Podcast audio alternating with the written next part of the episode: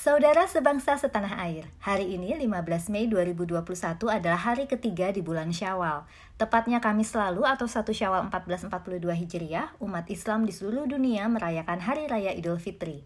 Bagaimana perayaan Idul Fitri dari zaman ke zaman? Kali ini kami kutip dari Republika mengenai asal-muasal sejarah perayaan Idul Fitri. Jadi sebelum Islam datang, masyarakat jahiliyah Arab memiliki dua hari raya, yaitu Hari Raya Nairus dan Mahrajan, yang dirayakan dengan minum-minum memabukkan, menari, dan adu ketangkasan. Berdasarkan buku ensiklopedi Islam, kedua hari raya tersebut berasal dari zaman Persia kuno. Di kemudian hari, Rasulullah Shallallahu Alaihi Wasallam mengganti kedua perayaan masyarakat Arab itu dengan hari raya yang lebih baik, yakni hari raya Idul Fitri dan Idul Adha. Perayaan Idul Fitri pertama kali diselenggarakan pada 624 Masehi atau tahun kedua Hijriyah yang bertepatan dengan selesainya Perang Badar. Perang yang dimenangkan oleh kaum muslimin ini terjadi pada bulan Ramadan. Jumlah pasukan di sisi umat muslim jauh lebih sedikit dibandingkan lawannya. Akan tetapi Allah mengganjar dengan perayaan yang luar biasa indah dan barokah yaitu Idul Fitri. Pada hari raya umat muslim seperti Idul Fitri dan Idul Adha, setiap muslim ditekankan untuk berbuat kebaikan dan kemaslahatan. Menjelang perayaan Idul Fitri, umat Islam diwajibkan menunaikan zakat untuk dibagikan kepada orang-orang yang berhak menerimanya. Perayaan Idul Fitri pada dinasti Abbasiyah dilakukan selama tiga hari yang diakhiri dengan menyantap beraneka ragam makanan halal. Sedangkan E.G.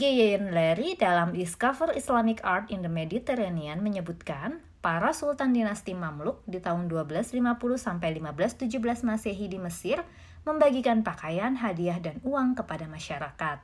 Di India, para sultan dinasti Mughal melakukan arak-arakan bersama pengawal kerajaan. Pada periode Kesultanan Ottoman di Turki, ada tradisi menembakkan meriam ke udara pada malam satu Syawal. Sedangkan di Indonesia, tradisi halal bihalal identik dengan perayaan Idul Fitri. Dalam buku Al-Masalik wal Mamalik karya Ibnu Hordabdih dijelaskan, mayoritas watak masyarakat yang hidup di sepanjang garis katulistiwa memang merupakan orang-orang yang terbuka dan egaliter. Sikap tersebut identik dengan masyarakat Indonesia.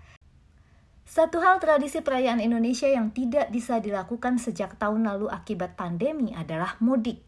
Padahal mudik merupakan keharusan bagi para perantau untuk bertemu sanak keluarga di kampung halaman. Namun apa boleh buat, demi kemaslahatan bersama, mari kita korbankan keinginan kita yang merupakan tantangan dari yang kuasa. Apakah kita masih bisa sekali lagi betul-betul dapat meraih kemenangan? Selamat Idul Fitri 1442 Hijriah. Taqabballahu minna wa minkum.